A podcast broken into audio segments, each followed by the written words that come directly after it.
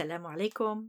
أهلا بكم أحبتي الصغار في حلقة جديدة وقصة مفيدة من حكايات تيتا story time with تيتا. أنا تيتا أمل.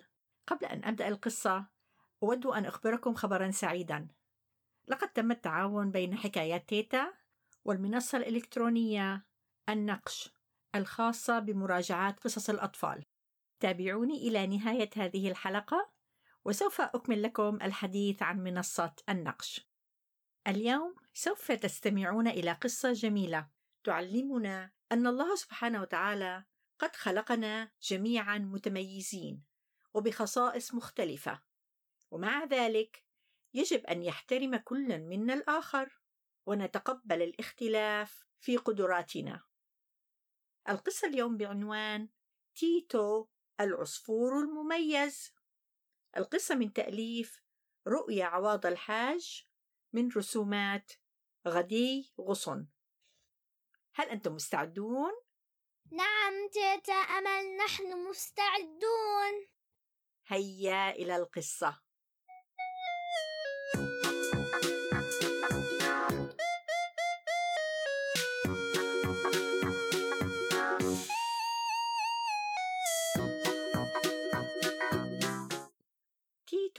عصفور صغير ولطيف. لكنه لم يكن كباقي العصافير فكان مميزا جدا لأنه خلق بجانح أيسر وحيد. كانت أم تيتو ككل الأمهات حنونة جدا فكانت تضعه على ظهرها وتطير به إلى أي مكان يريده. وفي يوم من الأيام وبينما كان تيتو في طريقه سمع صوتا غريبا من خلف الأشجار يقول بسخرية انظروا انظروا إلى هذا العصفور الغريب! فهو لا يعرف أن يطير! ولديه جانح واحد فقط؟ كم هو مضحك؟ حزن توتو كثيرا ولم يكمل مشواره وعاد إلى أمه يبكي. لكنها بدأت تسترجع معه بطولاته في القفز. وتذكره بأجمل اللحظات التي قضاها مع رفاقه الطيبين. فقالت له لا تنس يا حبيبي أنك بطل في القفز وأنني فخورة بك. فكل واحد منا مميز بشيء خاص به. ولا تنسى أنه لديك أصدقاء طيبون يحبونك كما أنت. ومع مرور الأيام قرر تيتو أن يحاول إيجاد طريقة ما تجعله يطير. فكر وفكر طويلا. وأنتم أحبتي الصغار هل تعرفون بماذا فكر تيتو واستطاع أن يحل مشكلة عدم الطيران عنده؟ هل حذرتم؟ هل عندكم أفكار تعطونها لتيتو حتى تساعدوه على الطيران؟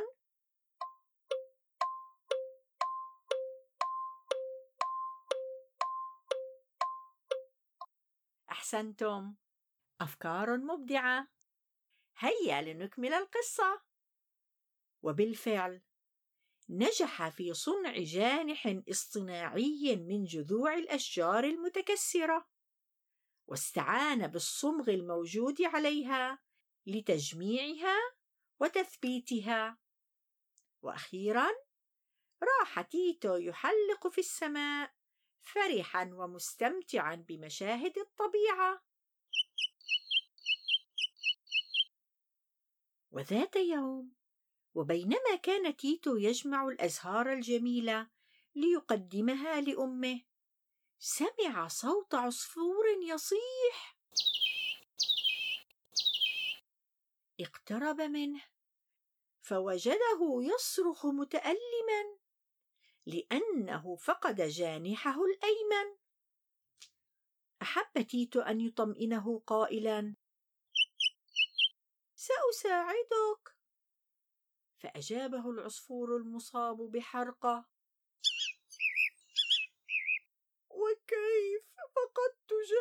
جانحي برصاصة أحد الصيادين الذين كانوا يطلقون النار علينا لمجرد التسلية. فرد تيتو قائلا سأعلمك كيف تصنع جانحا. وأخبره عن قصته أنه خلق من دون جانح. فجأة تغيرت ملامح العصفور المصاب. سامحني سامحني يا تيتو. لم أقصد يوما أن أجرحك وسخرت منك يوم رأيتك تقفز ولا تستطيع أن تطير. أرجوك سامحني. لم أكن أدرك ما أفعل وأقول. ابتسم تيتو قائلا. أنا لم أعد حزينا. وسأسامحك بالطبع. ولكن عليك أن تعدني ألا تستهزئ من أي أحد تراه مميزا بعد اليوم. وفي النهاية تصافحا بجانحيهما الأيسرين ومضيا يحلقان سويا بفرح وسرور.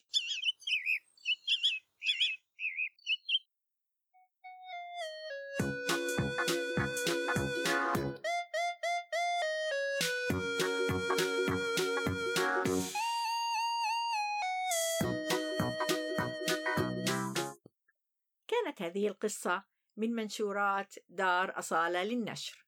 أتمنى أن تكون قد أعجبتكم هذه القصة أحبتي الصغار. وتعلمتم معنى أن يحترم الإنسان أخاه الإنسان مهما كان متميزا ومختلفا عنه في الشكل والقدرات والمهارات. والآن العودة إلى منصة النقش. هذه المنصة هي منصة إلكترونية تعنى بمراجعات كتب الأطفال واليافعين. المكتوبة باللغة العربية وأيضا المترجمة إلى اللغة العربية. سوف تجدون هناك المئات من الكتب والقصص للأطفال.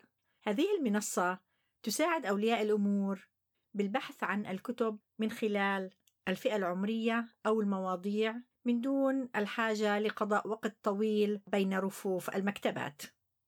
سوف تجدون حكايات تيتا المسموعة عن طريق البودكاست والمرئية عن طريق قناة اليوتيوب. في هذه المنصة. أتمنى منكم أن تزوروا هذا الموقع وتكتبوا لي بعض الملاحظات والمراجعات لهذه القصص. ولا تنسوا هناك حلقة جديدة على قناة اليوتيوب حكايات تيتا story time with تيتا كل يوم اثنين فإذا أعجبتكم القصة اعملوا لي like واشتركوا في القناة وإلى أن نلتقي أحبتي الصغار في حلقة جديدة وقصة مفيدة أنا تيتا أمل أقول لكم في رعاية الله.